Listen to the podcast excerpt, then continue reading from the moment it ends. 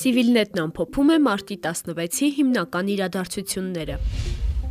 Հայաստանի առաջին նախագահ Լևոն Տեր-Պետրոսյանը վարչապետ Նիկոլ Փաշինյանին կոչ է արել հրաժարական տալ։ Իլուրեյեմ կայքում հրապարակած հոդվածում առաջին նախագահը գրել է, որ պետության ժողովրդի ու անձամբ վարչապետի շահերից բխող միակ ելքը վերջինիս անհապաղ եւ ինքնակամ հրաժարականն է, եւ ազգային ժողովի կողմից անձեռանմխելիության իրավական երաշխիքների ապահովմամբ նրա թեկուզ ժամանակավոր ապաստանումն արտերկրում։ Այդ պարագայում վարչապետի պարտականությունները պետք է դրվեն անկու կուսակցական փոխվարչապետի վրա, որն իր չեզոքության հանգամանքով ունակ է ապահովելու արդար ընտրությունների անցկացումը, գրել է նա։ Լևոն Տեր-Պետրոսյանի հայտարարությունից հետո բանավոր փոխհրաձգություն է սկսվել նրա ու Փաշինյանի կողմնակիցների միջև։ Ազգային ժողովի արտաքին հարաբերությունների հանձնաժողովի նախագահ Ռուբեն Ռուբինյանը հայտարարել է, որ ապշեցուցիչ է, թե ինչպես են անկախությունից ի վեր բոլոր տարիներին ընտրություն կեղծած ուժերը իմ քայլին մեղադրում ընտրությունները կեղծել պատրաստ պատրաստվելու կամ ցանկանալու մեջ։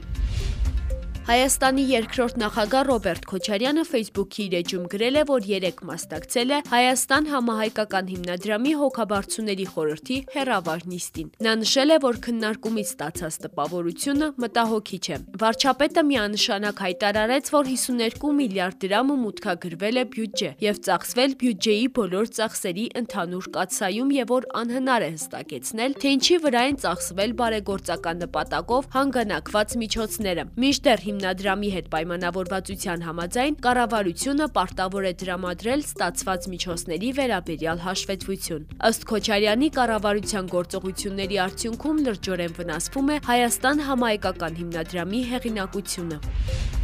Հայաստանն առաջին անգամ Ադրբեջանում պահվող հայ գերիների կոնկրետ թիվ է նշում՝ 188։ Այս մասին տեղեկանում են արտաքին գործերի նախարարության խոսնակ Աննա Նաղդալյանի, Ադրբեջանի արտաքին գործերի նախարար Ջեյհուն Բայրամովի հայտարարությանն արձագանքից։ Նախորդային Բայրամովը հայտարարել էր, թե Ադրբեջանում հայ ռազմագերիներ չկան։ Աննա Նաղդալյանը հայտարարել է, որ դա ադրբեջանական կողմի հերթական կեղծիքն է հումանիտար բնույթի այս հրատապ հարցի վերաբերյալ։ Ադրբեջանի ղեկավարները մինչ այժմ իրենց մոտ պահվող հայ ռազմագերիներին տարբեր որակումներ են տալիս՝ դիվերսանտ, ահաբեկիչ եւ այլն։ Վարչապետի որոշման փոխվարչապետ Մհեր Գրիգորյանի գլխավորած պատվիրակությունը մեկնել է Մոսկվա։ Ըստ պաշտոնական հաղորդագրության այցի ընթացքում քննարկվելու են հայ-ռուսական տնտեսական համագործակցության օրակարգին առնչվող հարցեր։ Մամուլում շրջանառվող լուրերի համաձայն իշարս տարբեր հարցերի քննարկվելու է նաև Հայաստանին մատակարարվող ռուսական գազի գինը։ Ներկայումս Հայաստանը 1 խորանարդ մետր բնական գազը Ռուսաստանից գնում է 165 դոլար սակագնով։